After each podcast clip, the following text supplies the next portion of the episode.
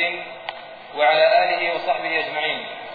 أما بعد أيها الإخوة في الله تغمرنا السعادة وتعلونا البهجة في هذا المساء المستنير بقدوم فضيلة الشيخ الدكتور عبد الكريم بن عبد الله الصديق فكم طال شوقنا لهذا اللقاء. كم سألنا ونحن أدرى بنجد أطويل طريقنا أم يطول. إن مجالس العلماء لذة الدنيا وأنس الفؤاد. وإن العلماء هم أنوار الدجى. يرفع الله الذين آمنوا منكم والذين أوتوا العلم درجات. ويزداد السرور. وتعظم الفائدة إذا كان اللقاء ببحر في العلم وشيخ في الفضل بالعالم المربي. هو البحر من أي النواحي أتيته فلجته الإيمان والعلم ساحل وقد آثر الشيخ حفظه الله المجيء محبة للعلم وطلابه على كثرة مشاغله وتعدد دروسه. وإننا والله لا نملك فوق ما في قلوبنا من محبة له إلا الدعاء بأن يكتب ربنا ذلك في ميزان حسناته. أثني عنان الكلم ولو تركته لأفاض ولكن حسبي وحسبكم أنكم تعرفون فضيلته وقدره والحب ما منع الكلام الألسنة أيها الأحبة ستشرق الآن صفحات من عبادات العلماء. وما هو العلم إن لم تظهر علاماته على صاحبه في عبادته وسلوكه وتعامله. فما أشد حاجتنا إلى هذا الموضوع. فما أشد حاجتنا إلى هذا الموضوع وأمثاله وما أحسن طالب العلم حين يجمع بين تقوى الله ومخافته والخضوع له وبين العلم النافع الأصيل. ولهذا جاءت هذه المحاضرة القيمة في نهاية هذه الدورات العلمية كي تكون مسك الختام وختام المسك والآن أترككم مع فضيلة الشيخ فليتفضل. جزاه الله خيرا. السلام عليكم ورحمة الله وبركاته.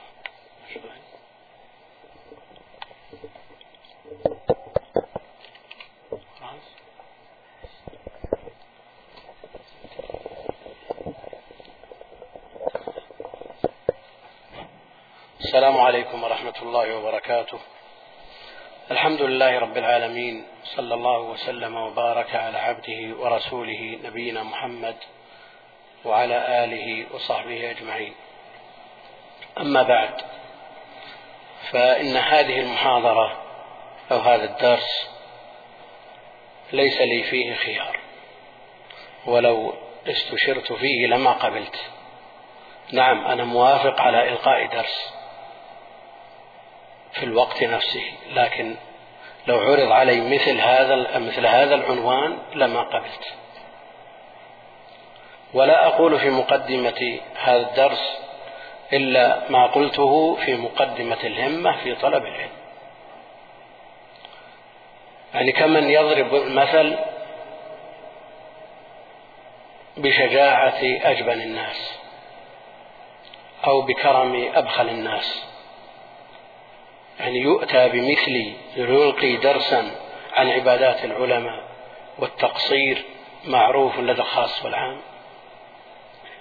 نسأل الله جل وعلا أن يمن علينا وعليكم بالعمل بالعلم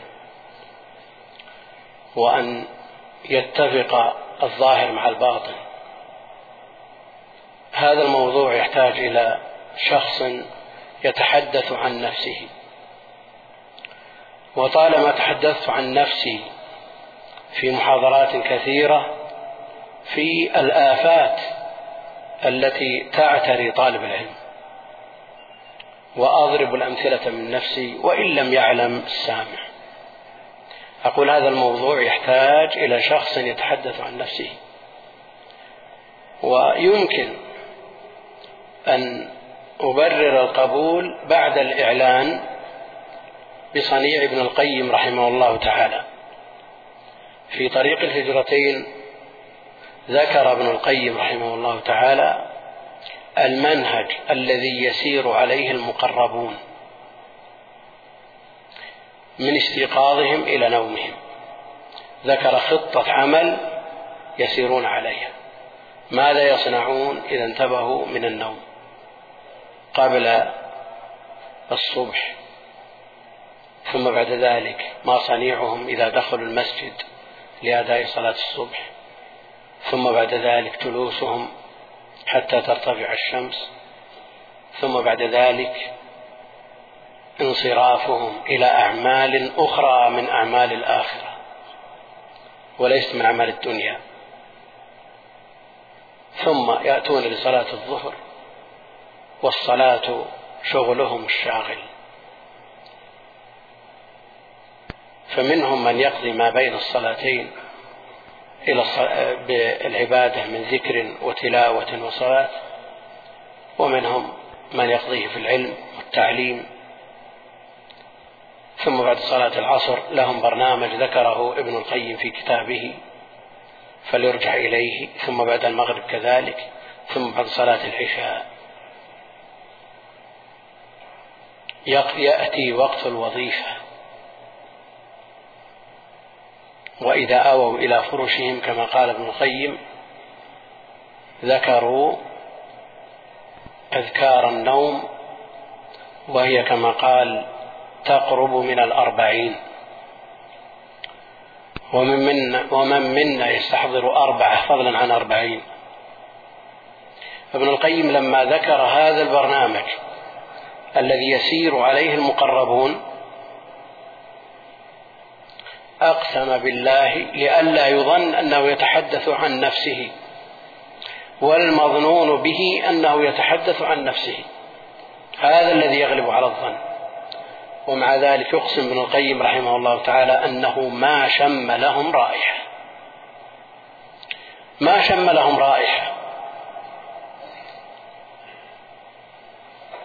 هذا ابن القيم ويرسم هذا المنهج للمقربين. عن غيرهم من الأبرار وأصحاب اليمين. ابن القيم رحمه الله تعالى وهذه زيادة في الإيضاح والفائدة ذكر أنهم إذا جلسوا بعد صلاة الصبح يذكرون الله تعالى حتى ترتفع الشمس. يقول منهم من يصلي ومنهم من ينصرف دون صلاة لكن لما ذكر حال الأبرار قال إنهم لا ينصرفون إلا بعد الصلاة يعني صلاة الضحى. لأن المقربين ينصرفون من عبادة إلى عبادة ولن ينسوا صلاة الضحى. ولن ينسوا صلاة الضحى لأن وقتها الفاضل لم يأتي بعد. المذكور في قوله عليه الصلاة والسلام صلاة الأوابين إذا رمضت الفصال. وأما بالنسبة للأبرار فإنهم لا ينصرفون إلا بصلاة لأنهم ينصرفون بعد ذلك إلى أعمالهم في أمور الدنيا ويخشى أن ينسوا صلاة الضحى. والظاهر من كلام ابن القيم أنه لا يصحح الحديث الوارد في ذلك أن من جلس ينتظر طلوع الشمس صلى الصبح بجماعة وجلس في مصلاه حتى تطلع الشمس ثم صلى ركعتين انقلب بأجر حجة وعمرة تامة تامة تامة. كأنه لا يصح هذا الخبر وإلا لو صح عنده لما انصرف أحد لا من المقربين ولا من الأبرار إلا بعد هذه الصلاة. والحديث بطرقه آه، يقوى القول بتحسينه وإن صححه بعضهم لكن الكلام بأهل العلم فيه ظاهر. يقوى القول بتحسينه. إذا عرفنا هذا ابن القيم رسم الخطة. ويغلب على الظن لما عرف عنه. من عبادة عبادات متنوعة. بعضها إذا سمعه القارئ يظنه ضرب من الخيال أو أساطير. مع هذه العبادات المتنوعة يقسم بالله أنه ما شم لهم رائحة. فماذا نقول؟ إذا كان هذا ابن القيم يقسم بالله أنه ما شم لهم رائحة ونحن نذكر في هذه المحاضرة شيء من عبادات العلماء وهم من المقربين فماذا نقول؟ وأعتذر عما قاله الأخ الذي قدم وذكر ما ذكر مما يخالف الواقع. وليس من عادتي أن أقاطع أحد في كلامه وإلا لا شك أنه جاوز في الوصف. فأسأل الله جل وعلا أن يعفو عني وعنه وعنكم. إذا عرفنا هذا فعنوان المحاضرة إشراقات هذا لمن عرف حقيقة الأمر. وإلا فكثير من الناس يظن أن العبادة يظن أن العبادة والإكثار منها يعني في عرف عامة الناس ومن في أحكامهم ظلمات.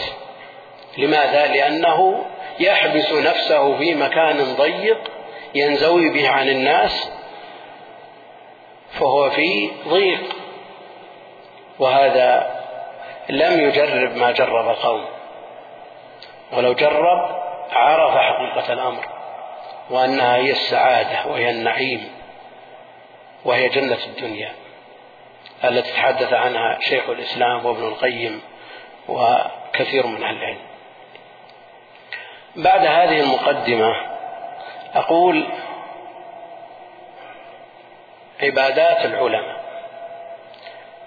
العلماء الذين يستحقون أن يوصفوا بهذا الوصف هم أهل العلم والعمل. ولا يستحق الوصف بالعالم إلا من عمل. أمن هو قانت آناء الليل ساجدا وقائما يحذر الآخرة ويرجو رحمة ربه ثم قال قل هل يستوي الذين يعلمون والذين لا يعلمون؟ فدل على أن أهل العلم المستحقين لهذا الوصف هم أهل العمل. فالذين لا يعملون بالعلم ليسوا من أهل العلم. وفي الحديث المختلف في تصحيحه عند أهل العلم ومن من صححه الإمام أحمد رحمه الله يحمل هذا العلم من كل خلف حدوله. فأهل العلم, فأهل العلم هم العدول. ومفهومه أن الذين لا يتصفون بهذا الوصف من أهل الفسق والتفريط الذين لا يستحقون الوصف بالعدالة ليسوا من أهل العلم. يحمل هذا العلم من كل خلف عدوله. فالذين لا يعملون بالعلم ليسوا بعدول. إذا الذي يحملونه ليس بعلم. ابن عبد البر رحمه الله تعالى له رأي مشهور. ووافقه عليه جمع من أهل العلم أن كل من عرف بحمل العلم فهو ثقة عدل مرضي. لهذا الحديث كل من حمل العلم فهو عدل. لهذا الحديث يقول الحافظ العراقي ولابن عبد البر كل من عني بحمله العلم ولم يوهن فإنه عدل بقول المصطفى يحمل هذا العلم لكن خولف. خولف ابن عبد البر. يعني على فهمه العكسي. الذي فهمناه من الحديث أن الذي ليس بعدل لا يسمى ما يحمله علم. وفهم أن كل من يحمل العلم وله عناية به أنه عادل. لكن الواقع يرد هذا القول. لأننا نرى من يحمل هذا العلم ممن هو متصف بالفسق. فكيف يعدل مثل هذا؟ فكيف يعدل مثل هذا؟ ولذا يقول الحافظ العراقي لكن خولف خولف ابن عبد البر في فهمه. لأننا نرى ورأينا ورأيتم ممن يعد من بحور العلم. بحسب الظاهر ومع ذلك علامات وآثار الفسق ظاهرة. هذا في الحقيقة ليس بعلم. ومن أقوى الأدلة على هذا الفهم قول الله جل وعلا إنما التوبة على الله للذين يعملون السوء بجهالة. بجهالة. هل التوبة خاصة بالجهال الذين لا يعرفون الأحكام؟ أو أنه لو كان عارفا بالحكم يعرف أن الزنا حرام ويزني. يعرف الحكم بدليله. يعرف أن الشرب شرب الخمر حرام ويشرب. يعرف الحكم بدليله. ويعرف أن السرقة حرام ويسرق. ويعرف أن الربا حرب لله ورسوله ويرابي. ثم بعد ذلك يتوب. هل نقول هذا مقبول التوبة ولا غير مقبول؟ إذا أخذنا الجهالة على عدم العلم بالحكم قلنا هذا ليست له توبة. ولم يقل بهذا أحد من العلم. فمن جاءته موعظة من ربه فانتهى فله ما سلف. التوبة تهدم ما كان قبلها التوبة تهدم ما كان قبلها المقصود أن هذا الجاهل المنصوص عليه هو الذي يقدم على المعصية ولو كان عارفا بالحكم بدليله. فالذي يعصي هذا جاهل ولو عرف الحكم.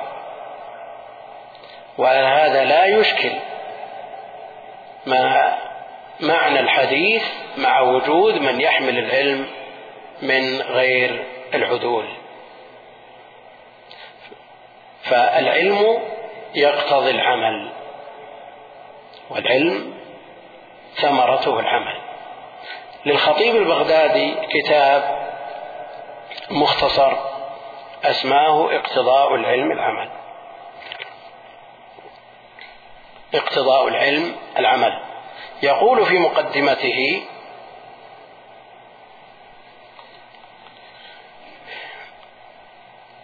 ثم إني موصيك يا طالب العلم بإخلاص النية في طلبه وإجهاد النفس على العمل بموجبه.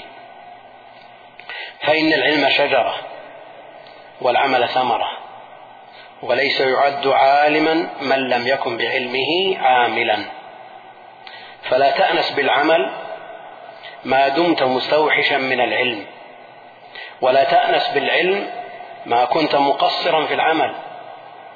ولكن اجمع بينهما وإن قل نصيبك منهما. لأنه قد تحصل المزاحمة. العلم يحتاج إلى وقت طويل. نقول اعمل بما علمت. ولن يعوقك هذا عن تحصيل العلم لأنه يكثر السؤال من كثير من الطلبة. يقول إن العمل قد يعوقنا عن تحصيل العلم ولا سيما العمل الميداني الذي يتطلب وقتا كإنكار المنكرات في الأسواق وغيرها. نقول سدد وقارب إذا بلغك عن الله عن رسوله أمر أو نهي فاعمل به بادر بالعمل به. لأن هذا هو الثمرة. يقول ما شيء أضعف من عالم ترك الناس علمه لفساد طريقته وجاهل أخذ الناس بجهله لنظرهم إلى عبادته. لا شك أن عامة الناس يحسنون الظن بأهل العبادة. يحسنون الظن بأهل العبادة. وما حصلت الفجوة التي نعيشها بين العلماء والعامة وما حصل من وقوع الناس في أعراض أهل العلم إلا بسبب تقصيرهم في العمل. عامي يحضر إلى المسجد مع الأذان فإذا التفت بعد الصلاة إذا شخص من أهل العلم يقضي بعد الصلاة. هذا نفسه لا توافقه على سؤاله. وإن كان بعضهم يقول خذ من علمي ولا تنظر إلى عملي. هذا كلام ليس بصحيح. وفي صحيح مسلم جاء شخص من العراق إلى ابن عمر يريد أن يسأله عن مسألة في المناسك. فقال عليك بابن عباس. ابن عباس علم وعمل.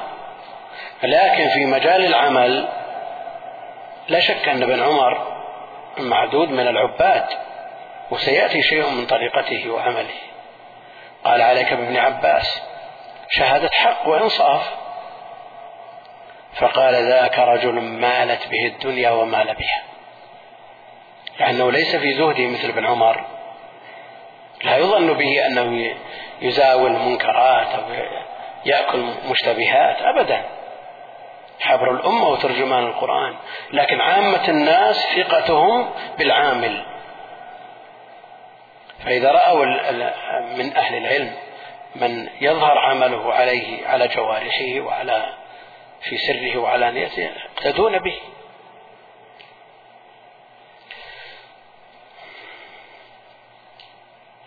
قال رحمه الله بعد ذلك وهل أدرك من أدرك من السلف الماضين الدرجات العلى إلا بإخلاص المعتقد والعمل الصالح والزهد الغالب في كل ما راق من الدنيا. في كل ما راق من الدنيا. يعني كل شيء له ضريبة. توسعت في أمر الدنيا يكون على حساب الآخرة لأنها ضرة. ومع ذلك لا تنسى نصيبك من الدنيا. لا تنسى نصيبك من الدنيا. لكن كم ممن يقال له هذا الكلام في وقتنا هذا. الناس بحاجة حتى من أهل العلم مع الأسف من طلابه أن يقال له لا تنسى نصيبك من الآخرة. لأنه وجد بعد انفتاح الدنيا شاهدنا وسمعنا أشياء حتى من بعض من ينتسب إلى العلم شيء لا يخطر على البال من الانصراف ولم يكن بذلك إلا انصراف القلب. يعني إذا حدث قصة حصلت هذه الأيام أن مجموعة صلوا صلاة الظهر وجهر الإمام وأمنوا. هؤلاء ماذا بقي للآخرة في قلوبهم؟ وسمع من يقول هو ساجد آمين. لا شك أن هذا سببه الانصراف عن الآخرة والإقبال على الدنيا لأن القلب القلب ما يحتمل كل هذه الأمور إلا ممن وفقه الله جل وعلا. فشخص من أهل الدنيا ويملك مليارات ودعانا في يوم من الأيام فإذا بمجلسه غاص بالناس. هل هم الأعيان؟ هل هم الوجهاء؟ هل هم الملأ من القوم؟ لا كلهم فقراء. وبعد ذلك يجلس وبدون مبالغة. جلس نصفه خارج المجلس ونصفه داخل. متكئ على الباب. وهؤلاء الفقراء في صدر المجلس. ومع ذلك لما وضع الوليمة رفض أن يجلس معي. جلس معه وكان من عادته وديدنه أن يدخل المسجد بعد صلاة يصلي العصر ولا يخرج إلا بعد صلاة العشاء. يعني هل الآخرة تعوقه من تحصيل الدنيا؟ في سلف هذه الأمة أثرياء. ومع ذلك هم النجوم في العلم والعمل. وهذا لا يعوق الدنيا لا تضر إلا لمن رأى أنه استغنى. كلا إن الإنسان لا يطغى أن رآه استغنى. فإذا رأى في نفسه أنه استغنى الآن وقعت الهلكة. أما إذا كانت الدنيا تحت تصرفه وفي يده لا في قلبه فإن هذا نعم على نعم.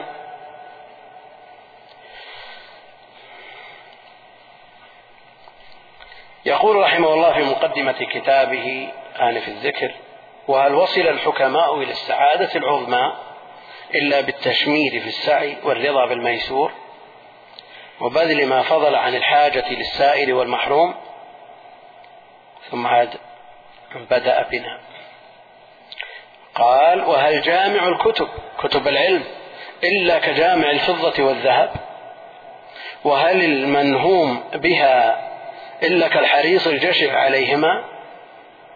وهل المغرم بحبها إلا ككانزهما؟ ثم ذكر حديث أبي برزة إلى آخر كلام رحمه الله. جامع الكتب. الذي يجمع من الكتب يملأ الدور بالكتب لكنه لا يفيد منها ولا يبذل منها. هذا لا شك أنه ككانز الذهب والفضة. وابن خلدون يقول أن كثرة التصانيف كثرة التصانيف من عوائق التحصيل من عوائق التحصيل. وهذا شيء مجرب جربناه وجربه غيرنا. يعني يحتار الإنسان إذا أراد أن يختار تفسير آية من بين خمسين تفسير. أو ينظر في شرح حديث من بين عشرات الشروح. يحتار.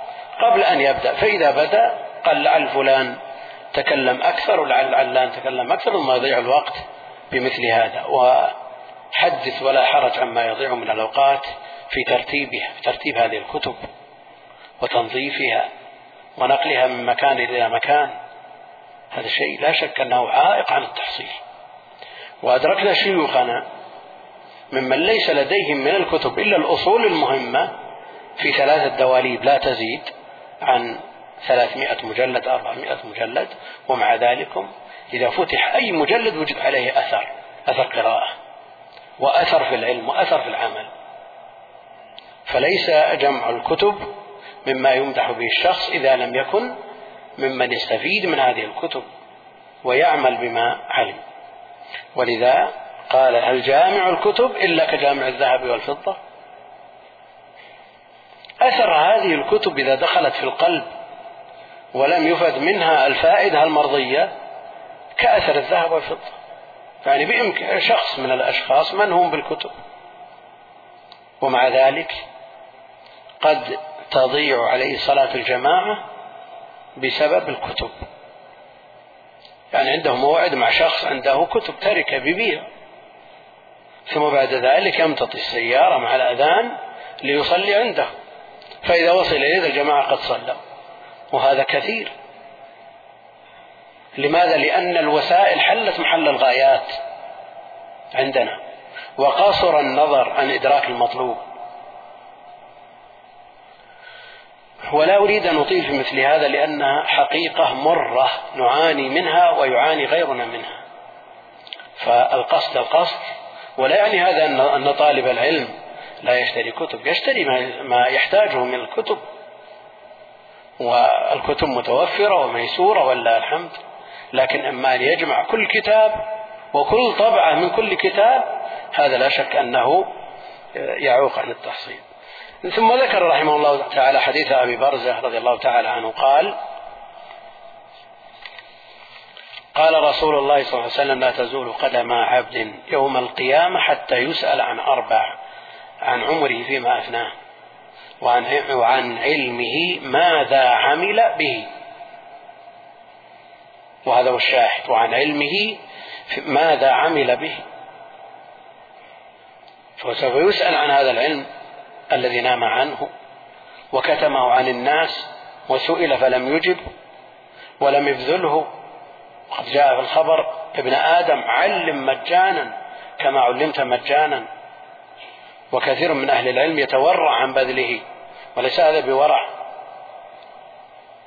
نعم قد يكون بالنسبة لبعض الناس الذي لا يملك نفسه عن قول لا أعلم قد يكون عليه خطر. قد يسأل عما لا يحسن ولا يتقن ثم بعد ذلك تصاب المقاتل. على الإنسان أن يبذل لكن لا يبذل إلا ما يعلم ولا يتشبع بما لم يعطى. قال علي بن أبي طالب رضي الله تعالى عنه هتف العلم بالعمل. هتف العلم بالعمل فإن أجابه ولي ارتحل ولا شك أن العمل هو الذي يثبت العلم. هو الذي يثبت العلم. ولذا لو سألت شخصا يبلغ من العمر خمسين سنة مثلا وسألته عن المناسك وقد حج في أول عمره ما تجد يدرك, يدرك من أحكام المناسك الشيء اليسير لكنه يدرك أحكام الصلاة. لا سيما إذا كانت لديه أهلية. ومن أهل العلم من أخطأ في كثير من, من أحكام المناسك لأنه لم يحج. ومنهم من حج بعد تأليفه في المناسك فأحرق ما ألفه لأنه لم يعمل بهذا العلم. ثم لما عمل استنار له الطريق واتضح له الحق. وعن الحسن رضي الله تعالى عنه قال ليس الإيمان بالتحلي ولا بالتمني. يعني الإنسان يدعي ويتشبع ويتصنع لكن هذا يكفي. ليس الإيمان بالتحلي ولا بالتمني ولكن ما وقر في القلوب وصدقته الأعمال.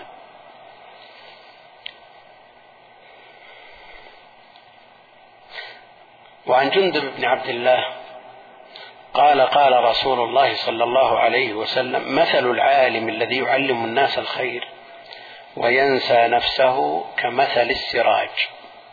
يضيء للناس ويحرق نفسه. والحديث لا بأس به جيد. مثل العالم الذي يعلم الناس الخير وينسى, نفسه كمثل السراج يضيء للناس ويحرق نفسه. والنصوص في هذا كثيرة جدا. ولو لم يكن إلا حديث الثلاثة الذين هم أول من تسعر بهم النار يوم القيامة وفيهم العالم. العالم الذي يعلم الناس. أفنى عمره في العلم والتعليم. ثم بعد ذلك في النهاية هو يكون من أول من تسعر بهم النار. وإنما يعلم ليقال عالم. نسأل الله السلامة والعافية. فالإخلاص لله جل وعلا في العلم أمر لا بد منه بل هو من أول شروطه. فالعلم من من أمور الآخرة المحضة التي لا تقبل التشريك. وإذا قلنا العلم فالمراد به العلم بالكتاب والسنة وما يعين على فهم الكتاب والسنة. المسألة التي يشار إليها قبل الدخول في الموضوع مسألة الإكثار من التعبد من أهل العلم من قال إنه بدعة. فمثلا الصلاة. الصلاة لو تتبعنا مما نص عليه من فعله عليه الصلاة والسلام غير الأدلة الإجمالية. وجدناه يصلي الفرائض سبع عشرة ركعة. والرواتب والوتر فيكون المجموع أربعين. منهم من قال من زاد على ذلك دخل في حيز الابتداع. لكن هذا الكلام ليس بصحيح. لأن النصوص العامة والخاصة من فعله عليه الصلاة والسلام تدل على خلاف ذلك. نعم من تعبد لله جل وعلا بما لم يشرعه مما لم يسبق له شرعية من كتاب الله وسنة نبيه عليه الصلاة والسلام لا شك أنه مبتدع. لا شك أنه مبتدع لأن البدعة العمل الذي يتعبد به مما لم يسبق شرع له شرعية من الكتاب والسنة. والبدع كلها ضلالة وإذا اشتغل أحد ببدعة لا شك أنه على حساب سنة. فليحرص الإنسان على تحرير المقام. فلا يفرط بسنة ولا يرتكب بدعة لأن بعض الناس قد يقصر في هذا الباب علمه وفهمه ويزيد حرصه ثم بعد ذلك يدخل في حيز البدع ولا يشعر. ومر بنا ومر بغيرنا أننا قد نتذكر ما حفظناه من بعض الأذكار الصحيحة فلا نذكر. وقد نذكر بعضه ونترك بعضه فإذا تأملنا أننا زدنا في أذكار عن الحد المشروع مثلا من الأذكار المحددة قد يكون زدنا فيها ثم بعد ذلك لم نوفق للأذكار الثابتة. فعلى الإنسان أن يحرص أن لا يعمل عملا إلا وعنده فيه أصل من الكتاب والسنة. فالنبي عليه الصلاة والسلام قبل ذلك ما ثبت أصله في الكتاب والسنة كالصلاة والذكر والتلاوة والصيام والحج والإنفاق في سبيل الله والجهاد والدعوة وغير ذلك هذا كلها أصولها ثبتت في الكتاب والسنة. فالإكثار منها على الهيئة المشروعة في الأوقات التي جاء التي جاءت من قبل الشارع جاء عدم المنع منها ليس ببدعة للأدلة العامة والخاصة التي تذكر بل الممنوع من ذلك كما تقدم في حيز في حد البدعة ما لم يسبق له شرعية من كتاب وسنة. الاجتهاد في التعبد قد حسب الطاقة ثبت عن النبي عليه الصلاة والسلام. فقد قام عليه الصلاة والسلام في الليل حتى تفطرت قدماه. وصلى بالبقرة ثم النساء ثم آل عمران بركعة واحدة. بركعة واحدة. فماذا عن بقية الصلاة؟ ماذا عن الركوع والسجود؟ فإطالة الصلاة مطلوبة لأن ثابتة عن النبي عليه الصلاة والسلام. وكثرة الركعات أيضا مطلوبة لأنه ثبت عنه عليه الصلاة والسلام الإطلاق. صلاة الليل مثنى مثنى. وثبت عنه عليه الصلاة والسلام لمن سأل أنه أجاب من سأله مرافقته في الجنة أن قال أعني على نفسك بكثرة السجود وهذا يتطلب إكثار من الركعات. فالتطويل ثبت بفعله عليه الصلاة والسلام والإكثار ثبت بقوله وحثه صلى الله عليه وسلم. ثم يأتي من يأتي ويقول أن الإكثار من التعبد بدعة. ما عرف عن النبي عليه الصلاة والسلام أنه قام ليلة كاملة. وهذا عن عائشة رضي الله تعالى عنها. مع أنه عليه الصلاة والسلام إذا دخلت العشر شد المئزر وأحيا الليل فهذا وارد على هذا الحديث. فإذا دخل الخصوص التخصيص بمثل هذا النص عموم خبر عائشة أضعفه. هذا مقرر عند أهل العلم. وما دام ثبت أنه أحيا الليالي العشر عشر رمضان يدل على أن إحياء الليل ليس ببدعة. وقد عرف عن سلف هذه الأمة من الصحابة والتابعين فمن دونهم مما يأتي ذكره في الأمثلة إن شاء الله تعالى. هذا بالنسبة للصلاة. الصيام ثبت عنه عليه الصلاة والسلام أنه يصوم حتى يقال لا يفطر. وثبت عنه أنه كان يفطر حتى يقال لا يصوم. وكان يصوم من الأشهر الحرم يصوم في المحرم ويصوم من شعبان أكثره فلا يقال أن مثل هذا العمل بدعة. مع قوله عليه الصلاة والسلام أفضل الصلاة صلاة داود وأفضل الصيام صيام داود. ينام نصف الليل ثم يقوم ثلثه ثم ينام سدسه. بالنسبة للصيام يصوم يوما ويفطر يوما. ثم يأتي من يقول النبي عليه الصلاة والسلام نجزم أنه ما صام يوم وأفطر يوم. لأنه ثبت أنه كان يصوم حتى يقال لا يفطر ويفطر حتى يقال لا يصوم. من كان وضعه في احتياج الناس إليه مثل حال الرسول عليه الصلاة والسلام يفاضل بين هذه العبادات. وأهل العلم يقررون أن العبادات المتعدية المتعدية النفع مقدمة على العبادات الخاصة.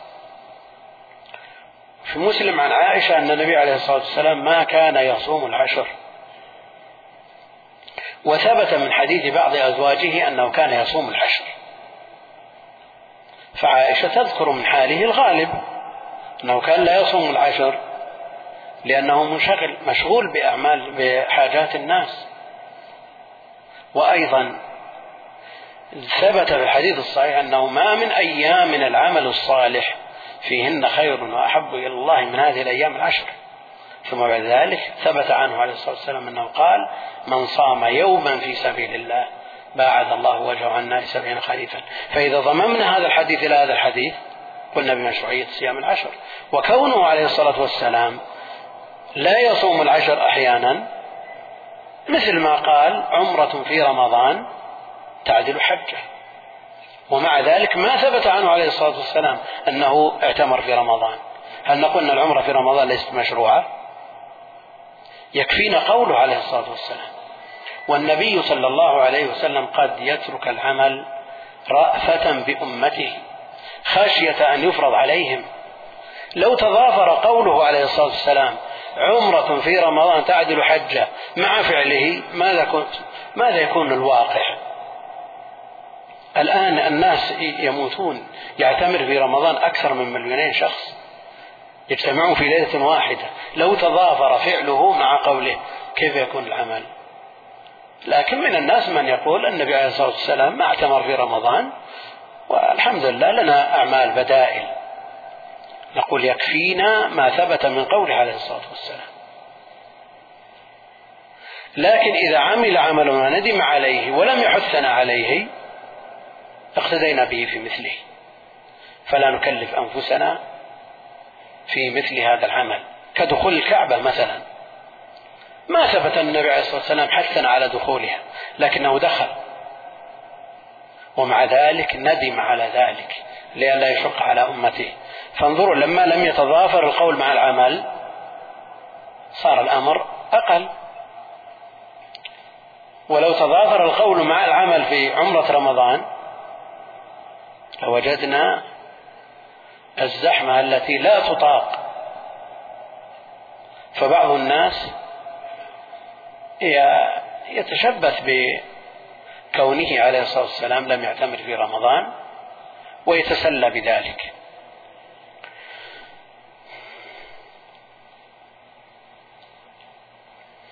تقول عائشة رضي الله تعالى عنها وأيكم يطيق ما كان رسول الله صلى الله عليه وسلم يطيق؟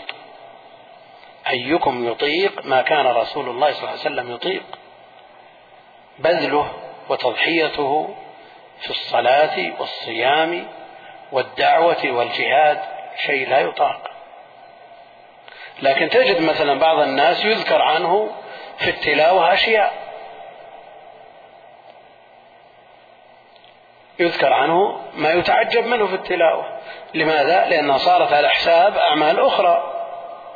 وبعضهم يذكر عنه على ما سيأتي من الأمن ذكر الأمثلة من الصلاة ما لا يخطر على البال. وصار هذا على حساب عبادات أخرى. فالنبي عليه الصلاة والسلام يفاضل ويوازن بين هذه العبادات. ووقته مشغول ومعمور بالطاعة. والتبليغ ودعوة الناس إلى الخير. تقول عائشة وأيكم يطيق ما كان رسول الله صلى الله عليه وسلم يطيق؟ ومحل ذلك كما قال ابن حجر ما لم يفض إلى الملل. لما جاء في الحديث الصحيح اكلفوا من العمل ما تطيقون فإن الله لا يمل حتى تملوا. وأخرج البخاري من حديث عائشة رضي الله عنها مرفوعا عليكم ما تطيقون من الأعمال فإن الله لا يمل حتى تملوا. وجاء في الحديث الصحيح أفضل الأعمال ما داوم عليه صاحبه. بعده عليه الصلاة والسلام وجد الاجتهاد في العبادة من الصحابة والتابعين ومن تبعهم من غير نكير. فلا يمكن أن يوصف مثل هذا بالابتداع لأنه عمل سلف هذه الأمة خيار هذه الأمة اقتداء بنبيها عليه الصلاة والسلام. وقد قال عليه الصلاة والسلام الصلاة خير موضوع. فمن استطاع أن يستكثر فليستكثر.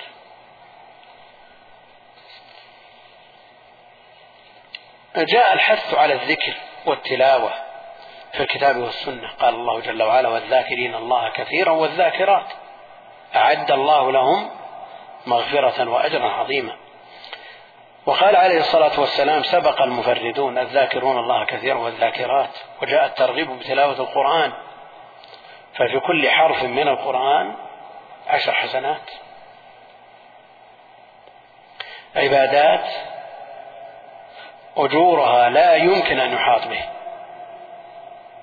ممن لا تنفذ خزائنه ومع ذلك لا تكلف شيئا. والمحروم لا تنفعه مثل هذه النصوص ما كتب الله عليه الحرمان لأن الله جل وعلا قال فذكر بالقرآن من يخاف وعيد. ولقد يسرنا القرآن فهل من مدكر؟ ما هو كل الناس. ولذلك تجد بعض الناس يصعب عليه أن يفتح المصحف. وتجده حافظ ومع ذلك لا يقرأ. ولا شك أن هذا حرمان وبكل حرف عشر حسنات. والختمة الواحدة بأكثر من ثلاثة ملايين حسنة. يعني الجزء الواحد الذي يقرأ بربع ساعة مئة ألف حسنة. وهذا أمر في غاية اليسر مصداقا لقول الله جل وعلا ولقد يسرنا القرآن للذكر فهل من مدكر؟ يعني الإنسان إذا جلس بعد صلاة الصبح ينتظر الشمس إلى أن ترتفع بإمكانه أن يقرأ القرآن في سبع وهو مرتاح وهذا لا يعوقه عن شيء من أعماله. لكن هذا الأمر يحتاج إلى شيء من المجاهدة ثم بعد ذلك التلذذ كغيره من العبادات. وإلا فالأصل أن هذه العبادات تكاليف. ومما حفت به الجنة والجنة حفت بالمكاره.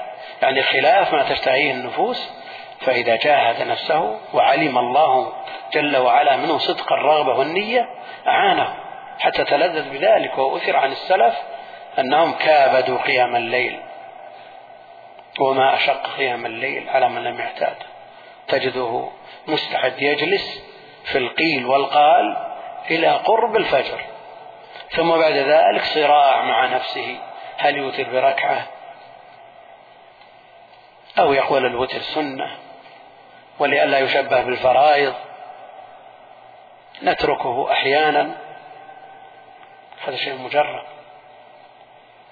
وما كره السهر والحديث بعد صلاة العشاء إلا لهذا الأمر لأنه يعوق عن ذكر الله وعن الصلاة لأنه على حساب الذكر. فإذا صلى العشاء ونام نام على خير الصلاة كفرت ذنوبه. الصلوات الخمس إلى الصلوات الخمس كفارات لما بينهما ما لم تخش كبيرة. فنام على على ذنوب مكفرة. ولذا كان ابن عمر إذا تحدث بعد صلاة العشاء صلى قبل أن ينام لينام لينام عن صلاة. هذا الحديث القيل والقال لا شك أنه يعوق صاحبه عن الذكر والتلاوة. ولذا نرى مع قوله عليه الصلاة والسلام من حج فلم يرفث ولم يفسق رجع من ذنوبه كيوم ولدته أمه. بعض الناس يقول الحج أربعة أيام. بالإمكان أن تضبط النفس ولا يتكلم بكلمة. ولا يتكلم بكلمة. لكن إذا كان قد عود على نفسه على القيل والقال يستطيع أن يملك نفسه ثلاثة الأيام وبعض الناس يجاور في العشر الأواخر ويجلس من صلاة العصر إلى صلاة المغرب في المسجد الحرام. فالمتوقع أنه ترك أهله وترك أمواله وجاور في هذه البقعة طلبا للثواب. والإكثار من العبادات تجده يفتح المصحف إذا صلى العصر. ثم إذا قرأ صفحة أخذ يلتفت يمينا وشمالا. لأنه ما تعود على الله في الرخاء يعرفه في الشدة ثم بعد ذلك إن رأى أحدا ممن يعرفه وإلا أطبق المصحف ثم يؤنبه ضميره لماذا أنا جئت؟ يفتح المصحف مرة ثانية ثم يقوم من مكانه يبحث عمن يبادله الحديث. وتجد بعض الناس نظره في الساعة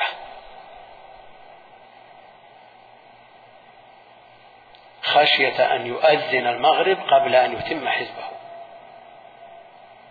هذا تعود في حال الرخاء. والله جل وعلا يقول إن سعيكم لشتى.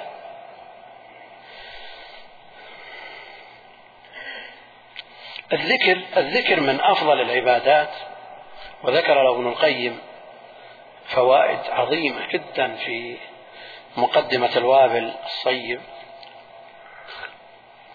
وهو لا يكلف شيئا.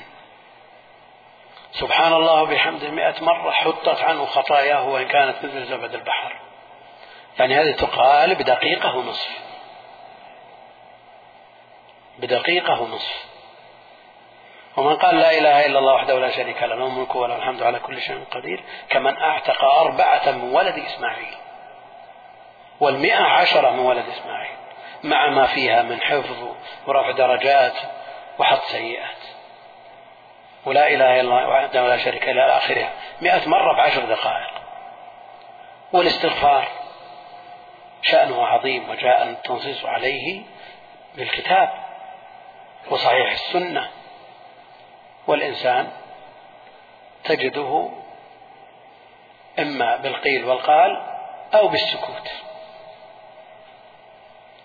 عرفنا أن هذا شيء لا يكلف شيئا لكن على الإنسان أن يري الله جل وعلا من نفسه خيرا ويعزم ويترك أو يسد منافذ الشيطان إلى قلبه ليوفق لمثل هذه الأعمال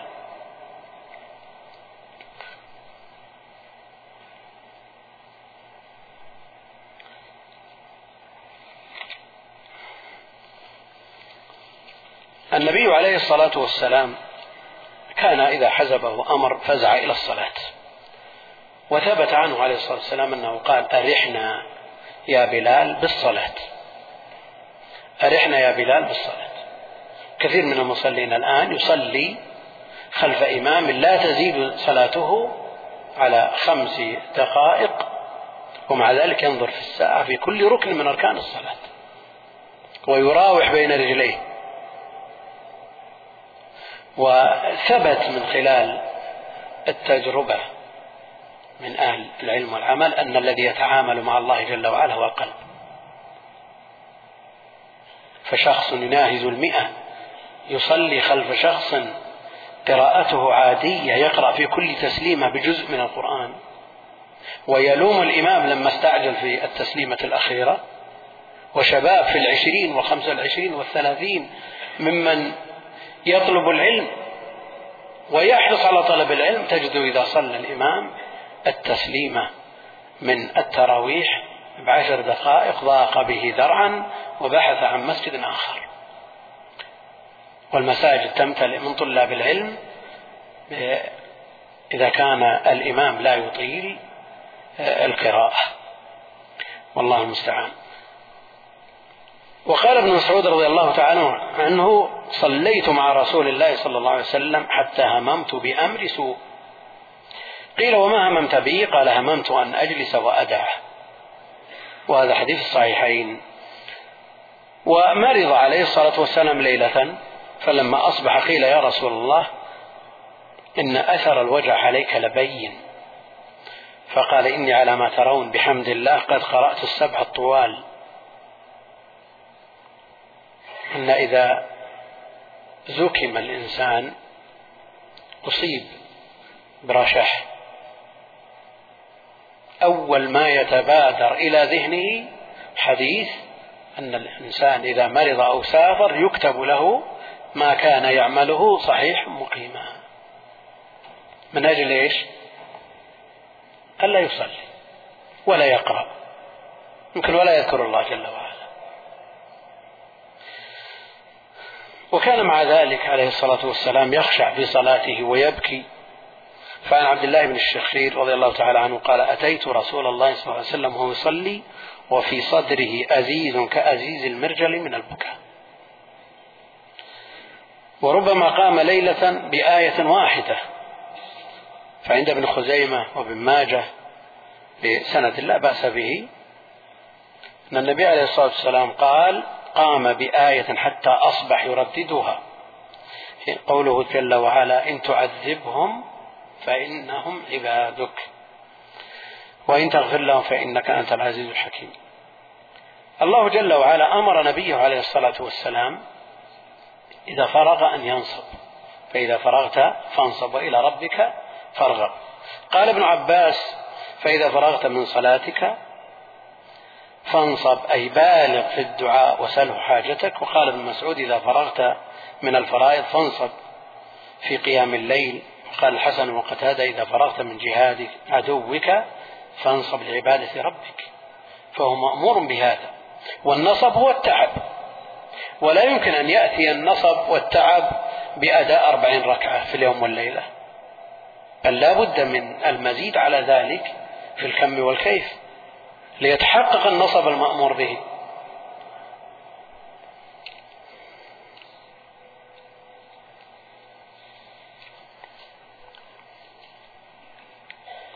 الصحابة رضوان الله عليهم اقتدوا بنبيهم وقدوتهم وأسوتهم كأبي بكر وعمر وعثمان وعلي رضي الله تعالى عنهم أجمعين وعن بقية الصحابة. فقد كان أبو بكر رضي الله تعالى عنه خير الأمة بعد نبيه عليه الصلاة والسلام. وفي سيرته من نصرة النبي عليه الصلاة والسلام وبذله نفسه وماله في نصرته عليه الصلاة والسلام مما لا يحتاج إلى إطالة إضافة إلى ما عرف عنه من كثرة الصلاة وأنه كان رضي الله تعالى عنه وأرضاه كما في الحديث الصحيح رجلا أسيفا. إذا قرأ لا تسمع قراءته من البكاء.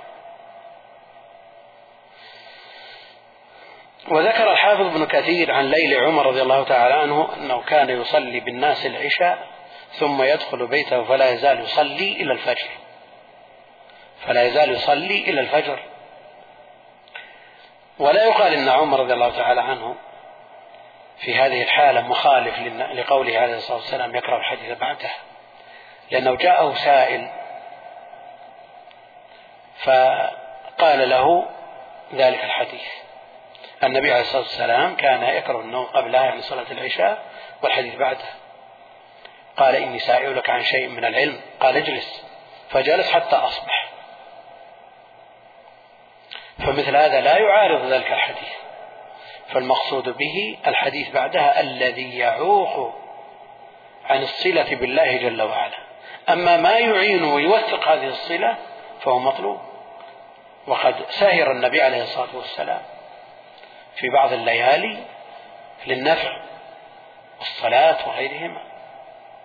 وقد ترجم الإمام البخاري وغيره رحمة الله على الجميع باب السمر في العلم وذكروا أمثلة من ذلك. وقال رضي الله تعالى عنه عن عمر لمعاوية بن خديج لئن نمت بالنهار لأضيعن الرعية. ولئن نمت بالليل لأضيعن نفسي. فكيف بالنوم مع هذين يا معاوية؟ الإشكال أن هذه الحقائق قد تخفى على بعض طلاب العلم. كيف؟ يأتي طالب علم دافعه الحرص على التعلم إلى شيخ. فيجده في المسجد يقرأ القرآن بعد الصلاة.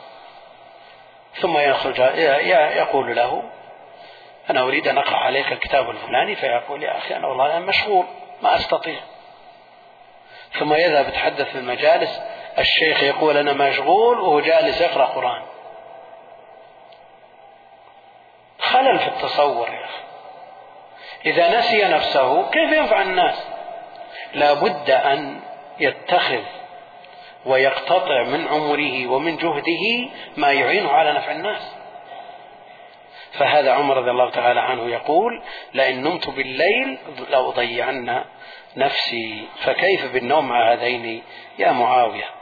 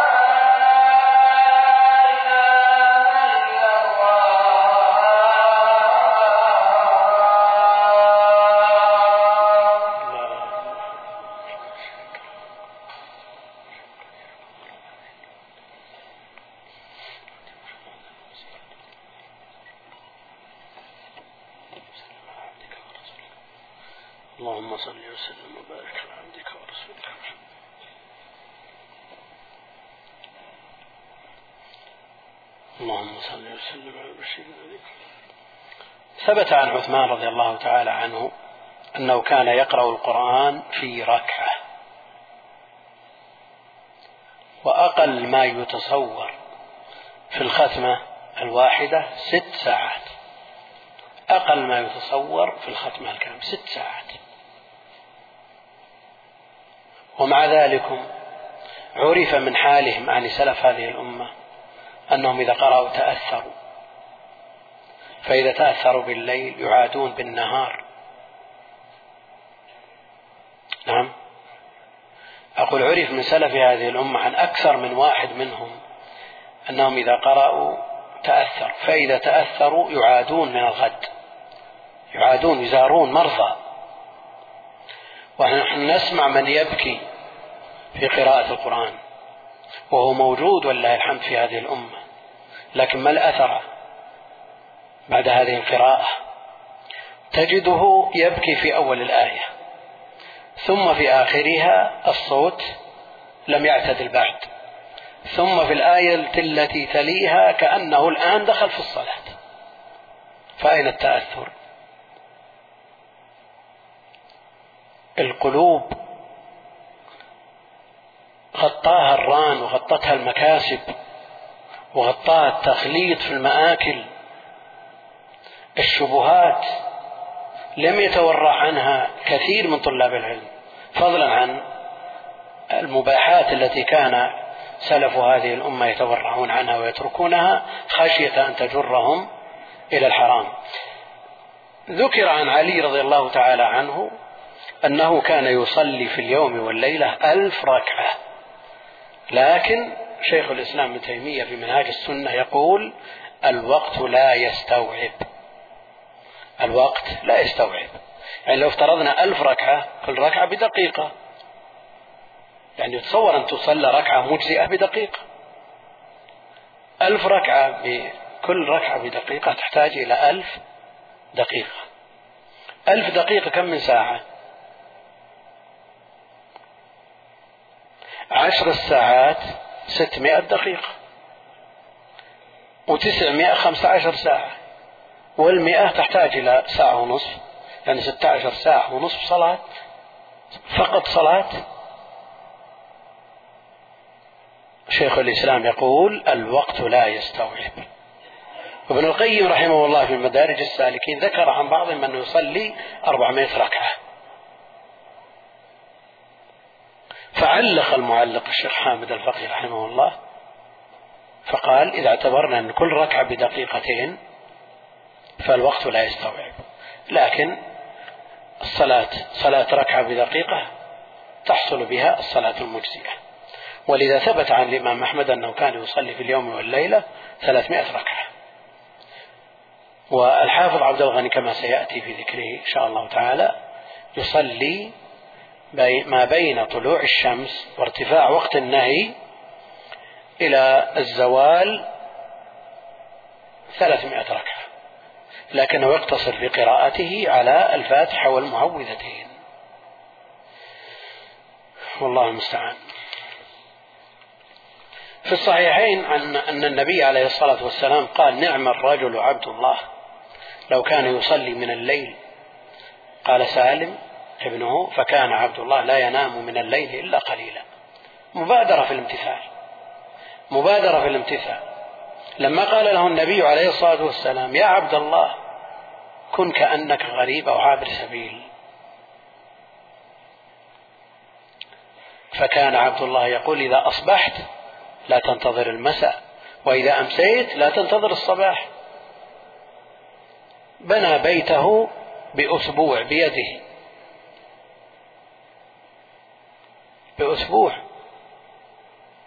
فكم تبنى البيوت الآن؟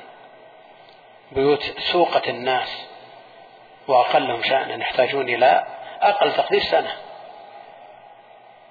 ثم بعد ذلك انظر ما تحملوه من الديون التي جاء الوعيد بشأنها والشهادة في سبيل الله تكفر كل شيء إلا الدين. وابن عمر يبني بيته بأسبوع بيده. الناس إلى عهد قريب قبل انفتاح الدنيا إذا خرج صاحب الحاجة من بناء بيت أو شبهه من المسجد وقف عند الباب قال أعان الله من يعين. وساعدوه. الآن ما يستطيع أن يقول مثل هذا الكلام. والله المستعان.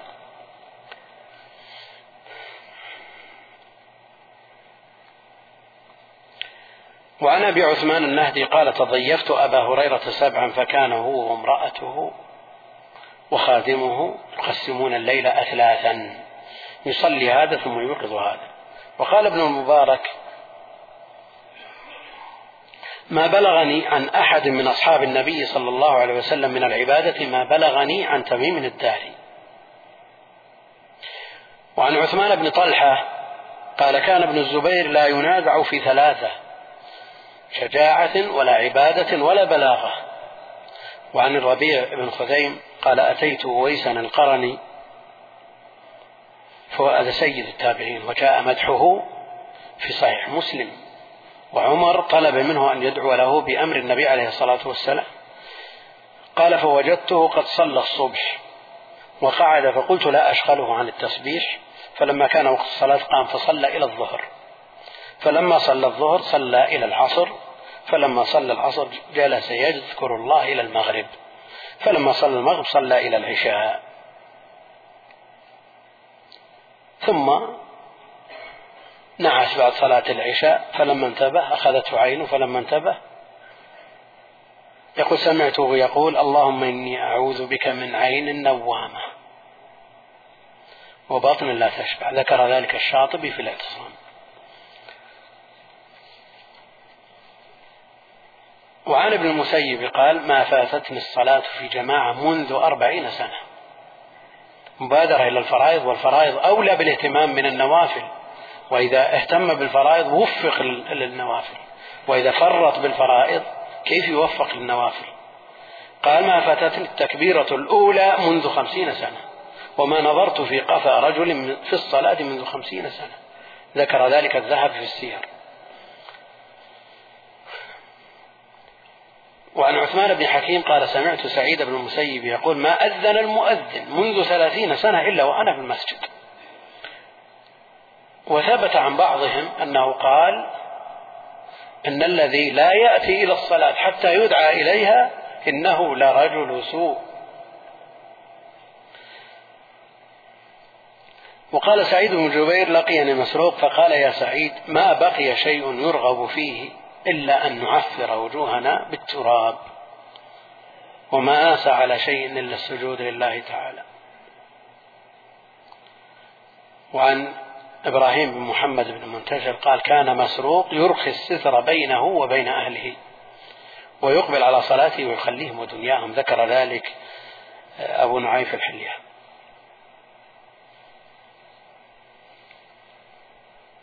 وعن شرحبيل أن رجلين أتيا أبا مسلم الخولاني. عبد الله عبد الله بن ثوب. قال فلم يجداه في منزله فأتيا المسجد فوجداه يركع فانتظراه فأحصى أحدهما أنه ركع ثلاثمائة ركعة. وقال أبو الأحوص قال لنا أبو إسحاق السبيعي يا معشر الشباب اغتنموا يعني قوتكم وشبابكم قلما مرت بي ليلة إلا وأقرأ فيها ألف آية وإني لأقرأ البقرة في ركعة. ألف آية تكون في جزء. ألف آية تكون أقل من جزء. يعني إذا قلنا القرآن ستة آلاف إذا قسمناها على الثلاثين كم يكون في الجزء؟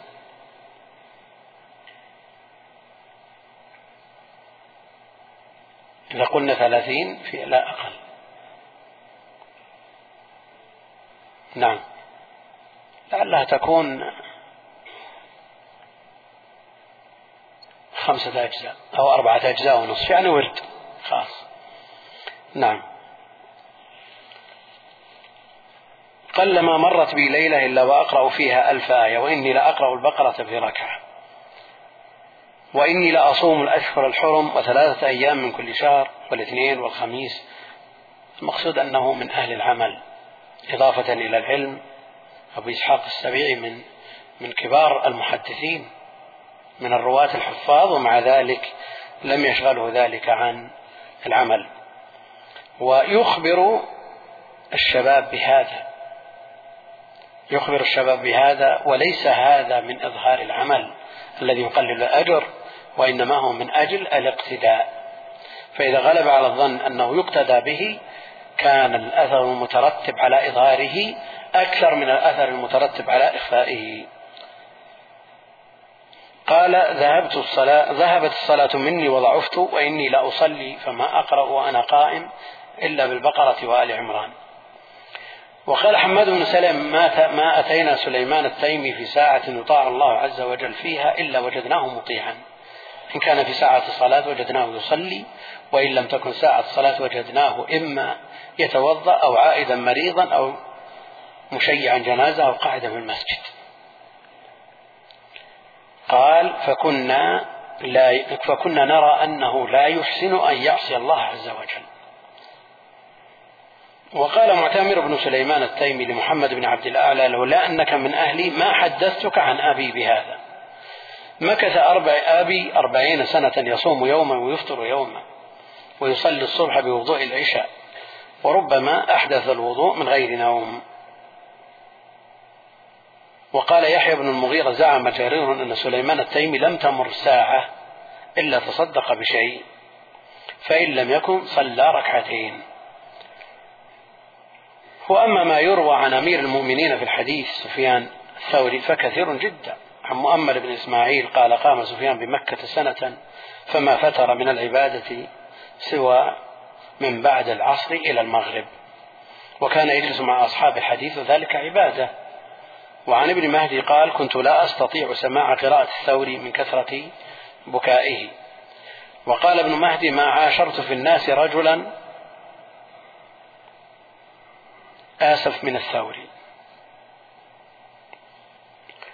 وقال الفريابي كان سفيان يصلي ثم يلتفت إلى الشباب فيقول إذا لم تصلوا اليوم فمتى؟ قال الأوزاعي رحمه الله من أطال قيام الليل هون الله عليه وقوف يوم القيامة.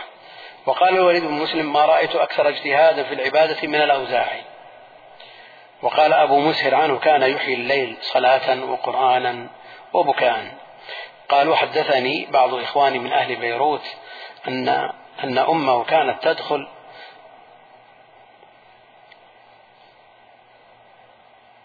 تدخل من أن, أن أمه يعني أم هذا الأخ كانت تدخل منزل الأوزاعي وتتفقد موضع الصلاة صلاة الإمام الأوزاعي فتجده رطبا من دموعه في الليل.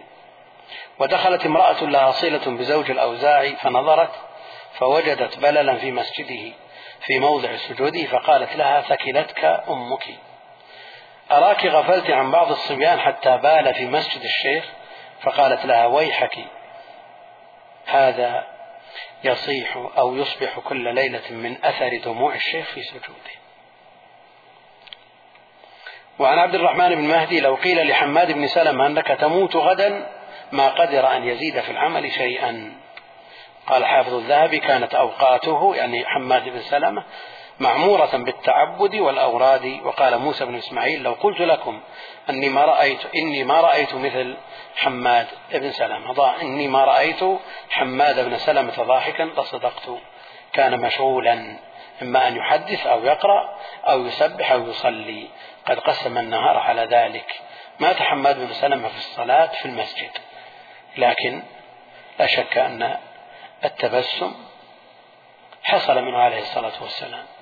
وحصل وهو نادر أن ضحك عليه الصلاة والسلام حتى بدأت نواجذه فلا شك أن هذا من شدة التحري لأن بعض الناس لا يستطيع أن يوازن في مثل هذه المضايق. لأن بعض الناس لو ضحك استمر وبعض الناس لو غفل ذهل. فهو يحزم نفسه على هذا لئلا يسترسل. بعض المضايق لا يستطيعها كثير من الناس. فمثلا مزاولة الأسباب مع قوة التوكل. هذا صعب جدا. يعني يذهب الإنسان إلى الطبيب ثم بعد ذلك يحصل من التوكل على مثل ما كان عليه الصلاة عليه الصلاة والسلام بعيد. فإما أن يحسم المادة ويترك التطبب أو يحصل في قلبه ما يحصل. بعض الناس لا يستوعب كيف يموت أعز الناس عليه ولا يجد في نفسه شيء. كيف تدمع عيونه ويبكي ويحزن ومع ذلك لا يحصل في نفسه شيء من الاعتراض على القدر كما كان من حاله عليه الصلاة والسلام. تضيق الأنظار في بعض بمثل هذه المواقف حتى أن بعضهم لما مات ولده ضحك ولده ضحك. ما استطاع أن يستوعب. فهذا حماد ما رؤي ضاحكا. والله المستعان. وقال يحيى بن أيوب حدثني بعض أصحاب وكيع الذين كانوا يلزمونه أن وكيعا كان لا ينام حتى يقرأ جزءه من كل ليلة ثلث القرآن. ثم يقوم في آخر الليل فيقرأ المفصل ثم يجلس فيأخذ في الاستغفار حتى يطلع الفجر. وقال عبد الله بن أحمد كان أبي رحمه الله يصلي في كل يوم وليلة ثلاثمائة ركعة. فلما مرض بسبب الجلد حينما ثبت في المحنة كان يصلي كل يوم وليلة 150 ركعة. وهذا ذكره أكثر من أكثر من ترجم له. وقال إبراهيم بن هاني النيسابوري وكان يعني الإمام أحمد رأسا في العبادة وعلو الهمة. كان أبو عبد الله حيث, حيث, حيث توارى من السلطان عندي. وذكر من اجتهاده في العبادة أمرا عجبا. قال وكنت لا أقوى معه على العبادة وأفطر يوما واحدا واحتجم وقال أحمد بن سلمة النيسابوري الحافظ كان هناد بن السري رحمه الله كثير البكاء. فرغ يوما من القراءة لنا يعني يقرئهم الحديث. فتوضأ وجاء إلى المسجد فصلى إلى الزوال وأنا معه المسجد ثم رجع إلى منزله فتوضأ وجاء فصلى بنا الظهر وأخذ يقرأ في المصحف حتى صلى المغرب. قال فقلت لبعض جيرانه ما أصبره على العبادة؟ فقال هذه عبادته بالنهار منذ سبعين سنة فكيف لو رأيت عبادته بالليل؟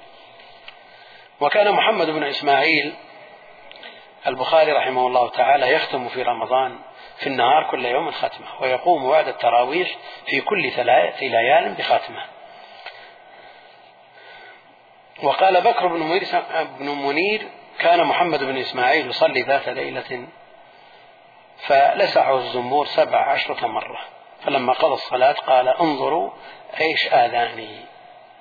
وفي رواية وقد تورم جسده فقيل له لم لم تخرج من صلاتك؟ قال كنت في سورة فأحببت أن أتمها. وكان بقي بن مخلد الإمام الحافظ المعروف صاحب, صاحب المسند الكبير يختم القرآن كل ليلة في ثلاث عشرة ركعة وكان يصلي بالنهار مئة ركعة ويصوم الدهر وكان كثير الجهاد فاضلا. على كل حال صوم الدهر معروف حكمه عند أهل العلم وجاء في الحديث الصحيح لا صام من صام الأبد وجاء أن صيام الدهر مفضول وأن أفضل الصيام صيام داود. لكن بعض الناس إذا فتح له باب من أبواب العبادة استرسل فيه ونسي نفسه ونسي ما جاء فيه من نصوص. وكان الحافظ عبد الغني بن عبد الواحد المقدسي لا يضيع شيئا من زمانه بلا فائدة. فإنه كان يصلي الفجر ويلقن القرآن وربما أقرأ شيئا من الحديث ثم يقوم فيتوضأ ويصلي ثلاثمائة ركعة. بالفاتحة والمعوذتين كما سبقت الإشارة إليه إلى قبل الظهر. وينام نومة ثم يصلي الظهر ويشتغل إما بالتسميع تسميع الحديث أو بالنسخ إلى المغرب. فإن كان صائما أفطر وإلا صلى من المغرب إلى العشاء ويصلي العشاء وينام إلى نصف الليل أو بعده. ثم قام كأن إنسانا يوقظه فيصلي ثم يتوضأ ويصلي إلى قرب الفجر ثم ينام نومة يسيرة إلى الفجر فهذا دأبه. وقال موفق الدين بن قدامة كان الحافظ عبد كان الحافظ عبد الغني جامعا للعلم والعمل. كان رفيقي في الصبا وفي طلب العلم. وما كنا نستبق إلى خير إلا سبقني إليه إلا القليل. وكمل الله فضيلته بابتلائه بأذى أهل البدعة وعداوتهم. وابن قدامة ذكر في ترجمته من العبادة الشيء الكثير فما ترك قيام الليل من شبابه إلى أن مات. فإذا رافق ناسا في السفر ناموا وحرسهم يصلي. مع ذلك ترك هذا الأثر الكبير في العلم. أنا قد يقول قائل كيف يؤلف المغني وهو يصلي بالليل والنهار؟ ولا يدري أن هذا خير معين للتأليف والعلم والتعليم.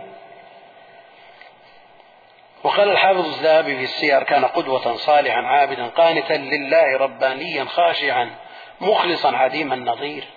كبير القدر كثير الأوراد والذكر والمروءة والفتوة والصفات الحميدة قل أن ترى العيون مثله. وكان يكثر الصيام ويتلو كل ليلة سبعا مرتلا في الصلاة. وأما ما ذكر عن شيخ الإسلام ابن تيمية نختصر يعني باعتبار أن الوقت قرب. في العلم والعمل فشيء يشبه المستحيل فمع كثرة مؤلفاته ذكر من عبادته وتهجده وأذكاره وصيامه وجهاده ويقرر في ذلك أن هذا هو السبب في إعانته على العلم. وكان مع ذلك مجبولا على الكرم وما شد على دينار ولا درهم قط بل كان مهما قدر على شيء من ذلك يجود به كله. وكان لا يرد من يسأله شيئا يقدر عليه من دراهم ولا دنانير ولا ثياب ولا كتب حتى الكتب يعطيها وقال ابن رجب في ذيل الطبقات عن الإمام المحقق ابن القيم رحمه الله تعالى وحج مرات كثيرة وجاور بمكة وكان أهل مكة يذكرون عنه من شدة العبادة وكثرة الطواف أمرا يتعجب منه. وقال ابن القيم في مقدمة مفتاح دار السعادة الذي ألفه بمكة وكان هذا من بعض التحف التي فتح الله بها علي حين انقطاعي إليه عند بيته وإلقاء نفسي ببابه مستكينا ذليلا فما خاب إلى أن قال فما خاب من أنزل به حوائجه وعلق به آماله وأصبح ببابه مقيما وبحماه نزيلا. وهكذا يستمر العلماء المحققون على هذا المنهج وهو الجمع بين العلم والعمل. فمن قرأ سيرة الشيخ محمد الإمام المجدد رحمه الله محمد بن عبد الوهاب رأى العجب. فيتعجب من هذه الأعمال الخاصة من صلاة وتلاوة وذكر مع ما قام به من جهاد بالسنان واللسان.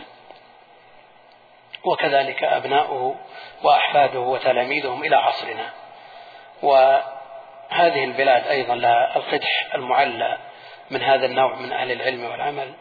فمن أدرك الشيخ عمر بن سيرين رحمه الله والعبادي وبن فدة والخريصي والمطوع رحمهم الله جميعا وأضرابهم وأمثالهم فهؤلاء يضرب بهم المثل في العبادة. يعني لا يقال أن هذا شيء غير مقدور عليه هذا خاص بسلف هذه الأمة. فهناك أمثلة وهذا الشيخ عبد العزيز بن باز رحمه الله تعالى مضرب المثل في التضحية حيث بذل جميع وقته للدعوة والتعليم وقضاء الحاجات. وحدثتنا زوجته أنه في ليلة من الليالي جاء من المستشفى. ولاحظت عليه آثار التعب فضبطت الساعة بعد عادته في القيام بساعة رأفة به فانتبه على العادة. وسألها لم لم يشتغل منبه الساعة؟ فأخبرته فلامها على ذلك. وأخبرته أنها فعلت ذلك من أجل راحته. فقال رحمه الله الراحة في الجنة. وكان معدل نومه لا يزيد في اليوم والليلة على أربع ساعات. ومن شيوخنا الأحياء الآن الموجودين من يزاول العمل الوظيفي ويؤدي العمل من أوله إلى آخره بمقدار ست ساعات في اليوم. ومع ذلك يكون لديه الدروس اليومية وقته معمور. وتجده يحرص على الصلاة على الجنائز ويتردد على المساجد التي يصلى فيها على الجنائز الآن خرج من الدوام فيصلي على الجنازة ويتبعه والمغرب عنده درس وفي الليل قيام. فهذا ليس بمستحيل لكن الموفق من وفقه الله. ف على كل حال نقتصر على هذا لأن الوقت يزاحمنا. فالذي يري الله جل وعلا من نفسه خيرا يعينه. وأكرر ما ذكرته في البداية أن هذا الموضوع لو أسند إلى شخص يحكي واقعه في العلم والعمل لكان أنفع لأن القول الكلام الذي ينبع من القلب ويصدقه العمل هو المقبول. أما يسند إلى شخص لم يعرف بشيء من هذا فهذا لا شك أنه حسن ظن من الإخوان ولا نقول إلا خيرا. والله أعلم وصلى الله وسلم وبارك على عبده ورسوله نبينا محمد وعلى آله وصحبه أجمعين.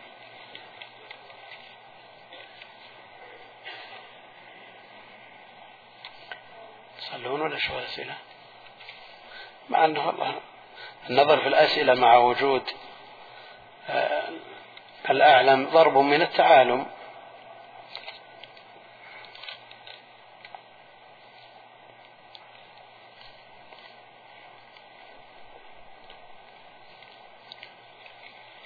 هذا يقول كيف يبلغ الإنسان أو كيف يبلغ الإنسان علمه وهو غير مؤهل؟ كتدريس الحلقات. طيب طيب. أو عقد الدروس. وما قولكم في من يقول أنا لا أحفظ القرآن خوفا من أن يكون حجة علي. أولا كونه يقدم على التعليم قبل أن يتأهل. هذا لا شك أنه استعجال للثمرة فعليه أن يتأهل قبل ذلك. ثم بعد ذلك إذا تأهل ودعت الحاجة إلى أن يعلم عليه أن يبادر بالتعليم فهذه زكاة العلم. أما كونه لا يحفظ القرآن خشية أن يكون حجة عليه فلا شك أن هذا من تلبيس الشيطان. هذا من تلبيس الشيطان. فعليك أن تحفظ القرآن وأن تجاهد نفسك وأن تخلص عملك لله جل وعلا. وهذا سؤال يرد كثير من الطلاب في الدراسة النظامية في الكليات الشرعية. كثير منهم من يقول أنا دخلت الكلية الشرعية ونصب عيني التخرج والشهادة وبناء الأسرة وظروف الحياة. ولا شك أن هذا يخدش في الإخلاص نقول نعم يخدش في الإخلاص فيقول هل الحل أن أترك الدراسة؟ نقول لا ليس الحل أن تترك الدراسة. الحل أن تجاهد نفسك بالإخلاص. وإذا علم الله جل وعلا منك صدق النية أعانك. يقول كيف نكثر من العبادة والعلم والدعوة وزماننا مليء بالشواغل كحق الوالدين والأسرة والانشغال بالأجهزة الحديثة كالحاسب والجوال ونحوهما مع انتفاء مع انفتاح المنكرات فكيف نقاومها ونعطي كل ذي حق حقه وننتفع من الأجهزة ونكثر من العلم والعبادة والدعوة مع قصر العمر. قل مثل هذه الأعذار لم تعق من كان قبلك. أنت عندك صوارف صحيح وجدت في هذا الزمن. لكن أنت بهذه الوسائل تدرك من ما أدركه من سبقك من العلم بمراحل بسبب هذه الوسائل. بإمكانك أن تركب السيارة وتصل إلى المسجد بخمس دقائق. لكن من تقدم الذين ليست عندهم هذه الشواغل يحتاج إلى ساعة إلى أن يصل المسجد الذي فيه درس. أيضا هذه الآلات التي تعتذر بها هي خير معين لك على التحصيل. ما الذي يمنعك إذا تعارض درس مع آخر؟ أن تقتني من الأشرطة التي شرحت فيها الكتب من أهل العلم الموثوقين وتنظر في المتن تحفظ من المتن وتسمع الشرح وتعلق عليه هذا درس. وهذا لم يكن موجود بالنسبة لمن تقدم. فلا شك أنه موجود الصوارف موجودة والشواغل كثيرة ومع ذلك المعين والميسر موجود. لكن ابذل من نفسك تجد إن شاء الله تعالى.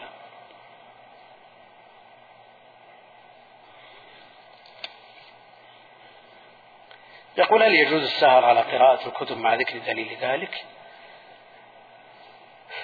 ترجم أهل العلم ومنهم الإمام البخاري وذكرنا هذا سابقا باب السمر في العلم. باب السمر في العلم وذكر ما يدل على ذلك. وأخبار السلف كثيرة في هذا. فمنهم من يجزئ الليل إلى ثلاثة أجزاء. ينام ثلث وينظر في العلم ثلث ثم يصلي ثلث. ومدح بهذا ولا يتعارض أبدا مع حديث كان يكره النوم قبلها والحديث بعدها والنبي عليه الصلاة والسلام بعد صلاة العشاء كما في الحديث الصحيح تحدث مع أهله ساعة. فالمسألة موازنة بين المصالح والمفاسد. ولا شك أن النوم أفضل من السهر على المباحات. فضلا عن السهر مع التخليط فضلا عن السهر عن مع المحرمات. صلى الله السلامة والعافية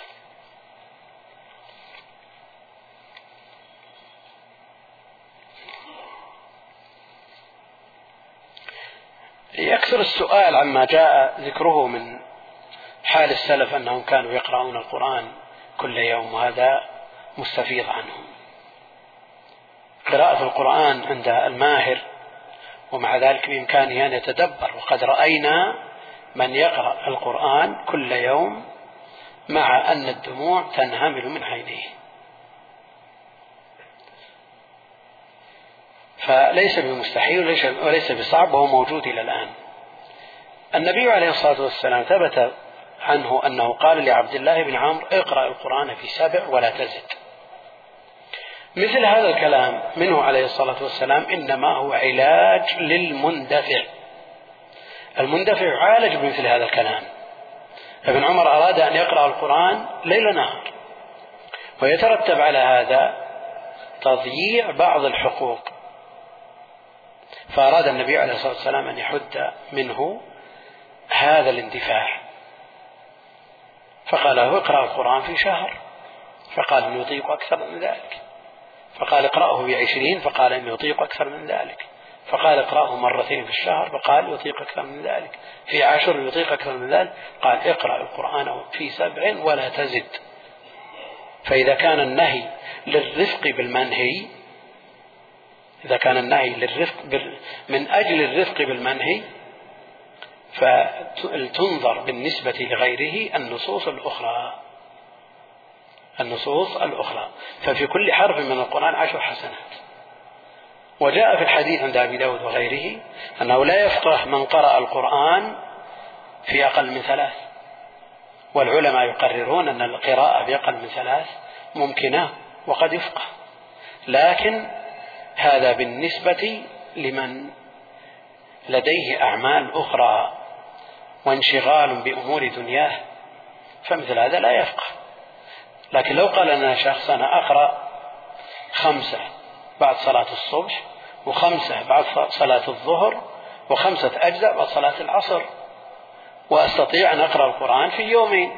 هل نقول لك أنك لا تفقه؟ لا تقرأ بعد صلاة الظهر لأجل أن تفقه؟ هل لهذا المنع من القراءة في وقت من هذه الأوقات أثر على الفقه؟ لكن غالب الناس إذا قرأ عشرة في اليوم لا يفقه فهو محمول على الغالب. ومنهم من يرى كابن رجب وغيره أن هذا في الأوقات العادية. أما في الأوقات الفاضلة فتغتنم هذه الأوقات. ولا مانع أن يختم القرآن في رمضان في كل ليلة. وذكر العلماء وهذا لابد من التنبيه عليه أن منهم من يختم بالنهار ختمة وبالليل ختمة. ومنهم من يختم ختمتين وختمتين بالليل. وذكر الحافظ ابن كثير والنووي عن ابن الكاتب الصوفي أنه كان يختم أربعا بالليل وأربع بالنهار وهذا ليس بالمقدور والوقت لا يستوعب. وذكر القسطلاني عن شخص أنه كان يقرأ القرآن في أسبوع. قلنا أسبوع ممكن. ثم قال وقيل في شوط وعرفنا أن الأسبوع الطواف بالبيت سبعا وهذا لا يمكن. ولا شك أن هذا من تلبيس الشيطان على بعض الناس. يريه أنه, يريه أنه قرأ وهو في الحقيقة لم يقرأ. والقراءة التي تترتب عليها آثارها لا شك أنها إذا كانت على الوجه المأمور به.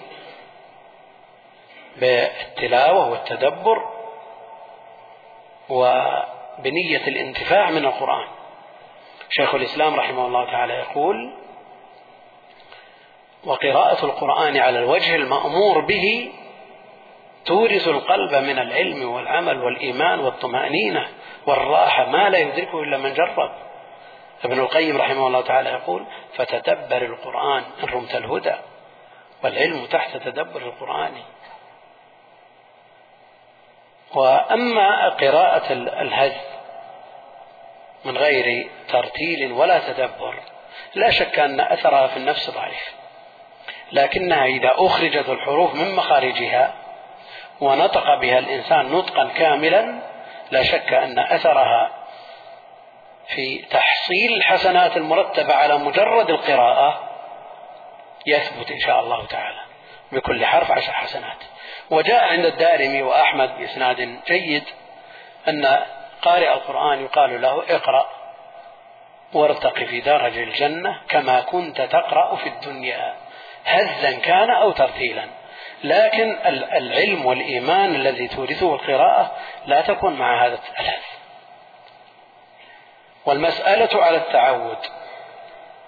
إذا تعود الإنسان أن يقرأ بهذا لا لا يستطيع أن يتريث. بل يكون نظره إلى آخر السورة. وعلى كل حال علينا أن نعنى بكتاب الله جل وعلا. ففيه العلوم كلها وفيه الخير كله ومن قام يقرأه كأنما يخاطب الرحمن مباشرة لأنه كلامه هو الكتاب الذي من قام يقرأه كأنما خاطب الرحمن بالكلم بعض الناس إذا انتهى من دوامه وارتاح بعد العصر بعد المغرب للجرائد والمجلات وبعد العشاء للمسايير. وليس لكتاب الله جل وعلا منه نصيب. مع الأسف بعض طلاب العلم لا يعرف القرآن إلا أن تقدم قبل الصلاة دقائق يفتح المصحف وإلا فلا يعرفه. وهذا خلل. يعني إذا لم نعنى بكتاب الله فكيف نعنى بكلام البشر؟ هو الغاية. هو الغاية والسنة مفسرة للقرآن. فكيف نترك الغاية؟ ونشتغل بالوسائل. والسنة كما جاء. إن هو إن وما ينطق عن الهوى إن هو إلا إن هي إلا وحي إن هو إلا وحي يوحى. فالسنة أيضا غاية. فعلينا أن نعنى بالأصلين بالوحيين وما يعين على فهمهما. بحيث إذا تعارض النظر في غيرهما مع النظر فيهما قدم النظر فيهما إلا إذا قدمنا الوسائل على المقاصد لفهم المقاصد. وأما إذا عرفنا الوسائل فيكون اهتمامنا منصبا على هذه الغايات. والله أعلم. وصلى الله وسلم وبارك على عبده ورسوله نبينا محمد وعلى آله وصحبه أجمعين. للمزيد من مواد فضيلة الشيخ عبد الكريم الخضير يرجى زيارة الموقع الرسمي لفضيلته www.kudair.com والسلام عليكم ورحمة الله وبركاته.